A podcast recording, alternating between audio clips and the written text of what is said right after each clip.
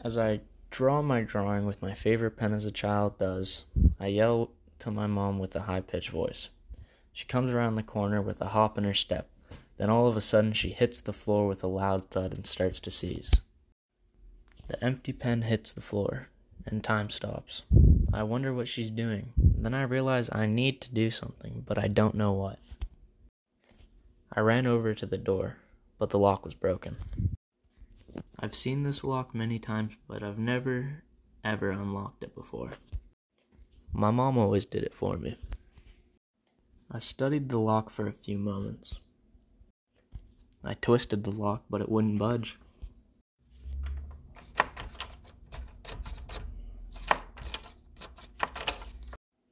I run over to my mom. She's still shaking on the floor. I need to get help.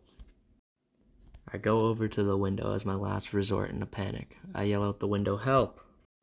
I'm not too sure how long it took, since I was four or five at the time, but it must have been a while. The building manager came up and saw my mom laying there. The next couple of minutes were a blur, but then I remember picking up my pen because I definitely wasn't going to leave that. I got taken down to the police station, which I thought was pretty cool. When I was there, I reached into my pocket and pulled out my pen to do my little drawings, to get my mind off all the things I've been through. The officer gave me a piece of paper, and soon as I touched the paper, it ran out of ink.